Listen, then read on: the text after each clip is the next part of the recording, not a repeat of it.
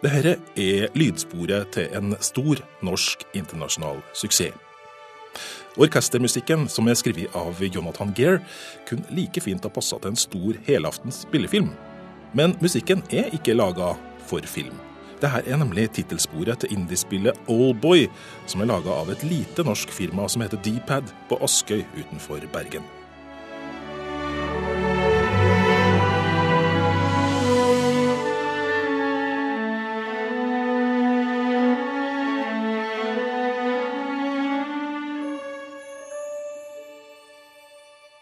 Spillet er en av de store snakkisene i internasjonale spillkretser akkurat nå, og har to måneder etter lansering blitt kjøpt og lasta ned av rundt 100 000 mennesker verden rundt.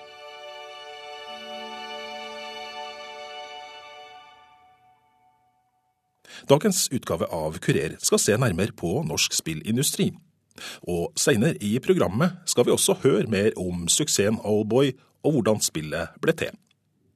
Men først så skal vi ta oss tid til en liten historietime. Norsk spillproduksjon begynte for alvor å vokse fram på slutten av 90-tallet. Og I denne første perioden laga man typisk spill som var ment for det norske markedet. Spillene var gjerne også mynta på barn.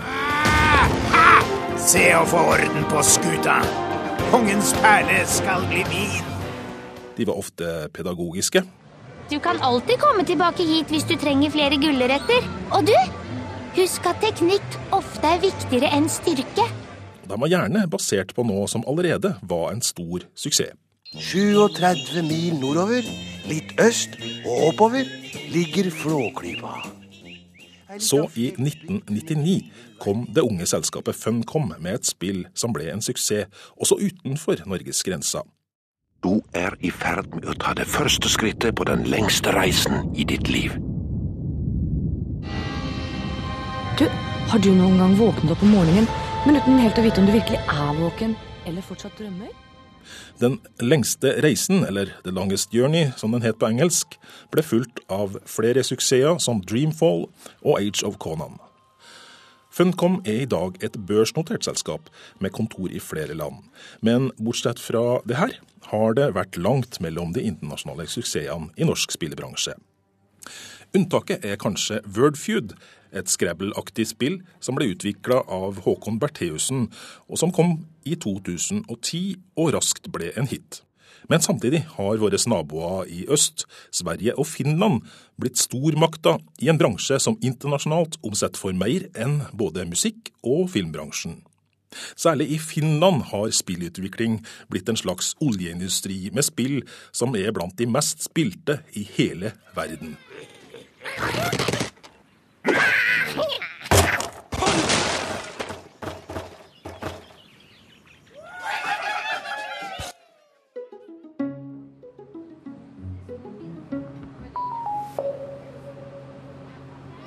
Nå i 2017 er det tegn på at noe er i ferd med å skje i norsk spillbransje.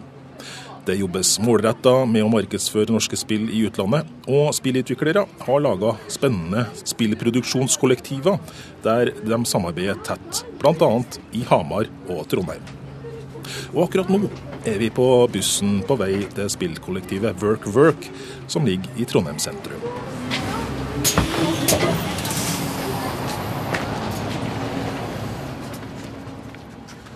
Work Work er et hus med en kafé på gateplan, der gjestene kan nyte god mat og drikke, og kanskje det aller mest spennende, teste ut de spillene som er under utvikling i de to etasjene over. Vi kommer imidlertid så tidlig at kafeen enda ikke er åpen, og derfor så må vi ringe til norsk-canadiske Eric Holten Haugen, som er nestleder i Trondheim Spillmakerlaug, for å slippe inn. Hello. Hi, it's uh, Lars Erik from Courier. Yeah, I'm standing in the back alley now. I'll come let in. Okay, good.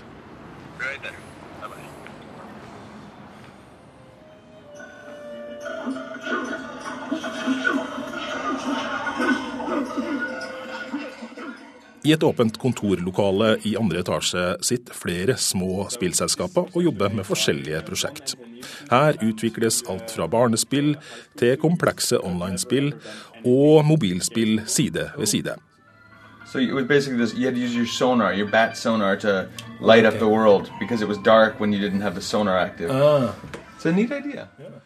Haugen, som sjøl flytta fra Canada til Norge for å satse på spillproduksjon, har klokketro på at noe spennende er i ferd med å vokse fram i Norge på spillutviklingsfronten. The whole industry has got to struggle because Norway is such a young industry in the games, the games branch. So we've got to. We, we're all going through the growing pains, and uh, we'll catch up. We'll catch up to the other countries. But some of them, gonna- they're going to turn their heads and they're going to go, hmm, this is viable. There's talent here. There's talent in Norway. There's talent in uh, Trondheim. Hans Andreas Kleive sitter rett bortenfor Erik Haugen i det åpne kontorlokalet. Han jobber med spillet Dwarfheim. Uh, Dwarfame er jo et uh, spill som har vært i utviklinga en ganske god stund. Det blir litt vanskelig å vise noe konkret, da, for det er et multiplayerspill. Um, vi prøvde å revolusjonere strategispillsjangeren med å lage et uh, helt ny uh, måte å spille strategispill. Uh, vi er tolv stykker, og vi holder nå på også å ta inn kanskje en forfatter som skal skrive historie. Den Treffer jo ikke. Bare X og Y, så jeg tok X pluss. dere movementene der er ganske kule, og det er jo vanskelig å treffe dem. Det er like før lunsj på spillkollektivet WorkWork, og den 14 år gamle ungdomsskoleeleven Thomas Hågensli, som har vært på praksisuke som spillutvikler, får hjelp til å gjøre det siste finpussen på et spill han har laga på fire dager. Det har blitt et klassisk spill der en slags flue skyter på andre fluer som angriper stadig raskere. Og om bare noen få minutter skal Thomas vise fram spillet til de profesjonelle spillutviklerne i lunsjen.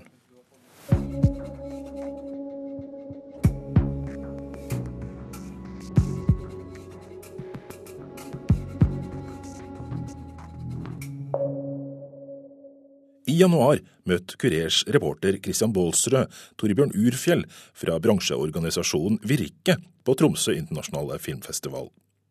Virke organiserer spillbransjen i Norge, som etter hvert sysselsetter en god del mennesker. I Norge er det ca. 500 mennesker som jobber med å lage spill. Og så har noen norske selskaper òg ansatte folk i utlandet. Så mellom 500 og 600 mennesker i, i, jobber i norske spillselskaper. Hvordan har veksten vært de siste årene? Veksten i norsk spillbransje har jo gått parallelt med, med veksten i spillbransjen i det hele tatt. Men så vil den eh, oppleve at det går i bølger. Vi har sett noen norske selskaper som har ligget veldig høyt, og som har eh, blitt mindre. Samtidig som vi ser at det har blitt ganske mye knoppskyting. At eh, de selskapene som har vært store, kanskje har kasta av seg flere andre mindre selskaper. Sånn at eh, spillbransjen blir mer sånn som andre bransjer. At de får flere mindre og mellomstore selskaper som bygger seg opp over tid. Hvordan er den norske spillbransjen eh, sammenlignet med nabolandene f.eks.? Finsk spillbransje er absolutt størst i Norden. Så kommer svenskene halsende bak, og så er Norge og Danmark mer på linje. Eh, Men det er vekst i Norge. Man ser jo at eh, selskapene blir mer solide. De får kanskje ikke de store kommersielle hitene, men vi ser jo òg noen norske selskaper som, som virkelig begynner å selge i utlandet. Men det som er spesielt med spillbransjen, det er at den er ekstremt eh, eksportorientert. Eh, 90% av alt det norske spillselskaper eh, produserer eh, og omsetter for, er eh, eksport. Eh, Og samtidig så dekker norsk spillbransje bare 1% av det norske markedet. Så det vil si at 99% av de spillene vi holder på med i Norge, de er det utenlandske selskaper som, eh, som står som eiere. Finland er altså blitt en stormakt innenfor spillutvikling. Torbjørn Urfjell forteller at mye av årsaken til at de har fått denne posisjonen er tålmodighet og troa på det de holder på med. Han mener at det òg er noe norsk spillbransje kan lære av. Finnene de eh, gikk på spillmesser og fikla med mobiler og ønska å få oppmerksomheten vekk fra konsoll og over på mobilen. eh, Og folk lo litt av de for det. Eh, Og det er jo en virkelighet som eh, folk har fått satt i halsen nå. Det er jo mobilspillene som har overtatt veldig stor eh, grad av markedet. Og det er det som er mye av grunnlaget for finnene sin økonomiske suksess innenfor spill. Og det å være tro mot ideen sin, tørre å holde på et, noe du tror på for framtida, det gjør jo til at du ofte da får betalt for det i andre enden. I Finland så kan vi lære at eh, man må ha virkemidler som gjør til at man kan eh, både få lån over tid, at man kan, må ha tålmodighet. Eh, det at, man, at det viktigste eierskapet til et selskap er det talentet du klarer å utvikle i selskapet. Og at i stedet for å bryte opp selskaper som kanskje sliter ei stund, så må du prøve å holde på det talentet, holde det samla, slik at det på et eller annet tidspunkt utløser alle de verdiene som de skal skape. Og Det ser vi jo eksempler på òg i Norge. Eh, Du ser eh, Dpad som har sittet i, eh, sånn som de beskriver det sjøl, i kjelleren sin og, eller i garasjen sin og, og holdt på med spill i ti år. Og så eh, kommer de i, i eh, 2016 og lanserer Oldboy, og det blir en kjempesuksess. Torbjørn Urfjell i Virke bruker altså indiespillet Oldboy som eksempel.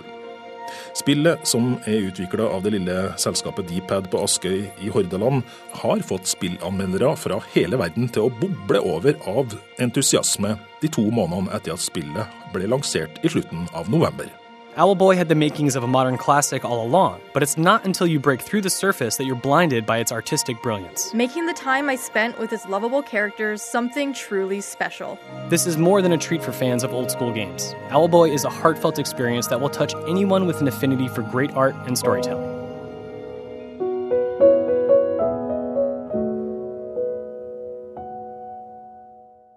Jeg heter jo Remi Madsen, og jeg eh, jobber på Deeped Studio.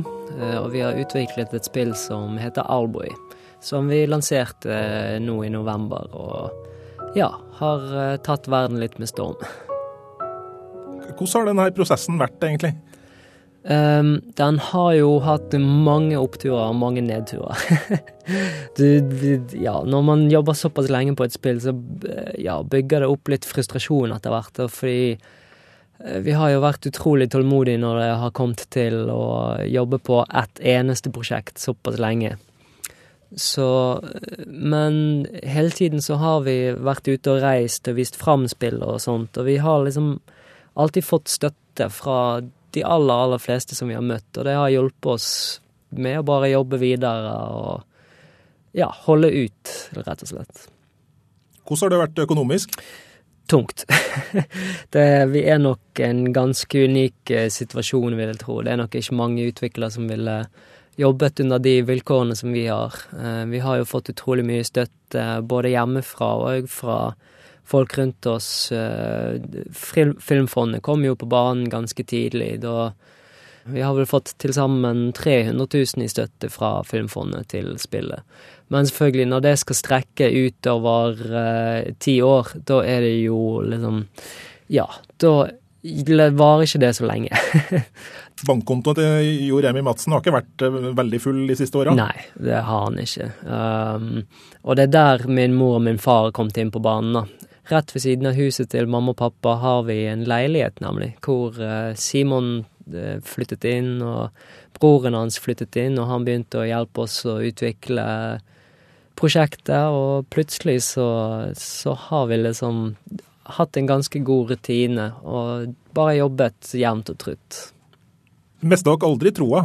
Nei, det, det gjorde vi ikke. Selvfølgelig, jeg måtte jo, jeg måtte jo sørge for at uh, mamma og pappa var, overbevist om at dette her var en, eh, en reell bruk av tiden vår, da, selvfølgelig. Så hver gang det ble eksempel skrevet om Alboy i nyhetssider, eller hvis jeg ble intervjuet på NRK, eksempel, så, så sørget jeg for at mamma og de hørte om det.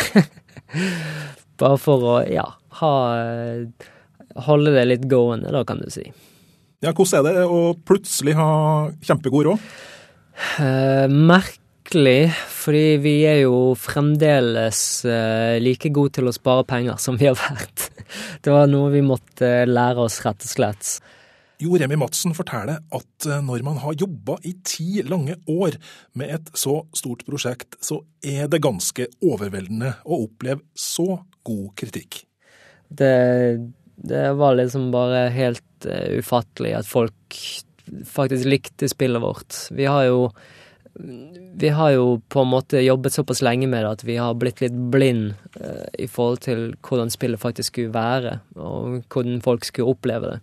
Og så få så utrolige tilbakemeldinger, det Ja, nei, vi, vi brast egentlig alle ut i gråt den dagen vi eh, lanserte det, for det ble litt sånn Ja, det ble litt mye på en gang, rett og slett. Hva er fordelen med å være spillutvikler i Norge? For meg så har det jo eh, til slutt blitt det at eh, jeg har vært med på å se Norge vokse som et spillmiljø, da. Når, når vi begynte, så var det jo nesten ingenting. Jobber fantes det ikke, og små indie-studier som oss var veldig, veldig sjeldent. Så, men det som har skjedd nå i de siste årene, det er at det har dukket opp så utrolig mange uh, småstudioer og folk som jobber med det som hobbyprosjekter og sånt, at det, det føles liksom som å, som å få en venneflokk, da. Så det, det er jeg utrolig takknemlig for at jeg har fått lov til å være en del av. Og disse årene her har jo både vært de beste årene i mitt liv og kanskje noen av de mest stressende, så ja, nei, det, jeg er generelt bare veldig takknemlig for alt som har skjedd, egentlig. Men nå har vi snakka om fordelene. Hva er ulempene med det norske miljøet? Ja, det har jo Det er jo veldig vanskelig å gro fram som en industri i Norge, da. Selv om vi prøver vårt aller beste. Det fins jo som sagt veldig mange spillfirmaer, men det er ytterst få som faktisk klarer å få hjulet til å gå rundt, og faktisk klarer å lansere spill og ja, og få det til å funke som et firma, da. Det er liksom Jeg tror det blir det som er neste steget for Spill-Norge. Det å gjøre det til en faktisk industri.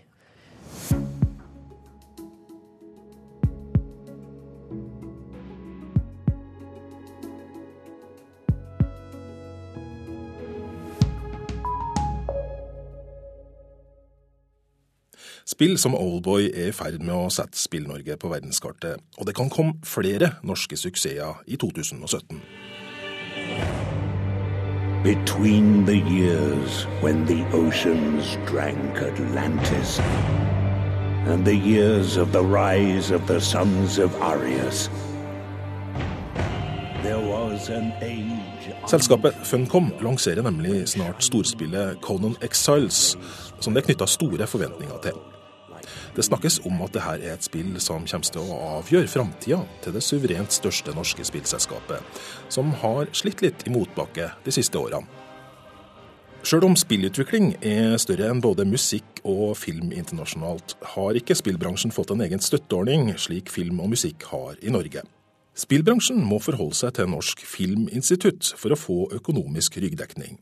Kaja Henk Dyrli er seksjonsleder for spill i Norsk Filminstitutt, og bekrefter at det gror godt i bransjen. Det står veldig bra til. Siste året har på en måte vært et Altså det har vært en jevn økning gjennom mange år, både i antall selskaper og titler, men også i suksessraten. Siste året har det allikevel liksom løsna veldig. Det er mange spill som har vært i lang utvikling. Noen har jo vært i veldig lang utvikling, som Alboy. som har kommet ut denne høsten. Så denne høsten har jo vært spesielt bra, da, for, for norsk spillbransje. Hvordan er støtteordningene for spillutvikling i Norge organisert? Vi har ulike ordninger i NFI. Vi har jo det som da heter utviklingstilskudd. Hvor man får tilskudd til å utvikle selve spillet. Det er jo den største ordningen vi har. Og så har vi i tillegg lanseringstilskudd både utland og lansering av spill i Norge. Og så har vi jo selvfølgelig også andre ordninger som stipendordninger og, og fellestiltak. Så det fins flere ordninger, men den største og viktigste er jo da utviklingstilskuddene, som jo hvor man kan få til å starte opp et prosjekt, som er jo kanskje det vanskeligste, da. Hvor mye penger er det som deles ut årlig? Nå er ikke budsjettet fastsatt enda for i år, men i fjor så var det 21 millioner til utvikling og ca. 3 millioner til lansering. Vi har vel ligget på en sånn ca. 20% av de som søker, som får tilskudd. Og så er det jo Kan man jo få i flere faser. Så noen Hvis det, jeg tror det var 24 eh, tilskudd i fjor, men da er det jo noen tilskudd som går da til det samme prosjektet. Så man får f.eks. første runden og tredje runden i året. Men en rundt, rundt 20 prosjekter får tilskudd. Det kommer jo litt an på hvilke prosjekter som får, om det er store eller små tilskudd. Men Kaja, du jobber jo i Norsk Filminstitutt, eh, men jobber altså med, med spillutvikling. Er det slik at filmprodusenter og spillutviklere eh, slåss om de samme midlene? I utgangspunktet så gjør de jo det, men vi deler jo inn eh, fondet i ulike eh, tilskuddsordninger og formater. Eh, Så det blir avsatt egne midler til, til spillutvikling hvert år. Eh, Så det er det jo spillutviklerne som slåss om. Hvor stor er filmpotten i forhold til spillpottene?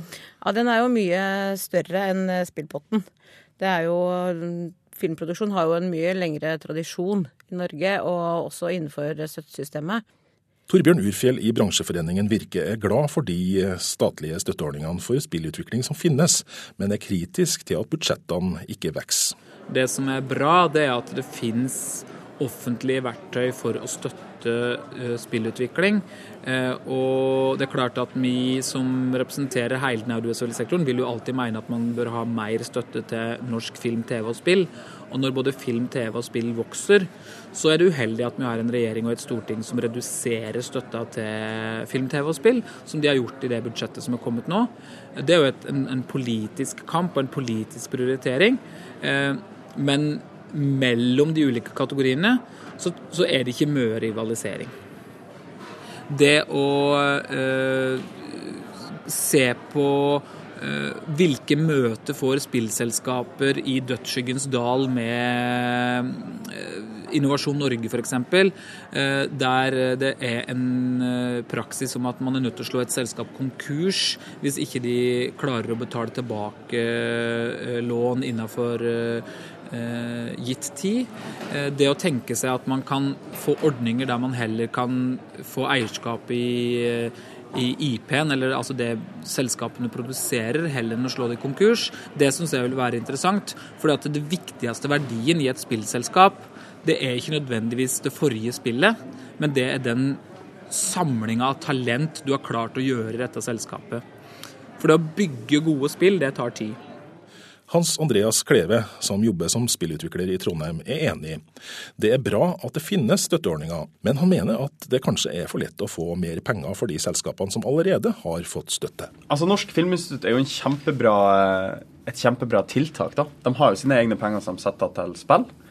Det er kanskje litt ofte at det er de som har fått før, da. Så vi vil gjerne ha sett at det kanskje har gått litt til litt nyere firma, og sett at det blir spredd litt rundt. Eh, Men det er en kjempebra tiltak, egentlig. Vi har jo også rundt omkring i regionene litt eh, mindre milepæler, da, som Filminvest, som er kjempebra. Her i Trondheim har du jo Filminvest som nylig eh, støtta Kybernesis, som også sitter her på huset, for eh, 200 000. I spillutviklingskollektivet WorkWork i Trondheim har det blitt lunsj. og Den 14 år gamle ungdomsskoleeleven Thomas Haagensen skal vise fram spillet han har laga i løpet av en ukes arbeidspraksis til de profesjonelle utviklerne.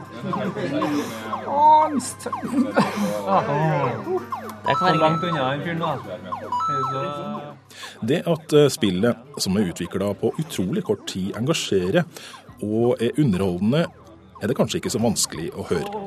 Spillutviklerne er imponert over det den unge programmereren har fått til på så kort tid. Og kanskje blir unge Thomas en del av framtidas spillindustri. Her i Norge har vi hatt kringkastingsavgift i snart 100 år. Men rett før jul offentliggjorde kulturminister Linda Hofstad Helleland at den skal bort og erstattes med noe annet. Neste lørdag skal mediemagasinet Kurer se nærmere på framtidas finansiering av NRK. Hva blir kringkastingsavgifta egentlig erstatta med, og blir det noe praktisk forskjell for oss skattebetalere? Det var alt for denne uka i Kurer. Mitt navn er Lars Erik Ertsgaard Ringen.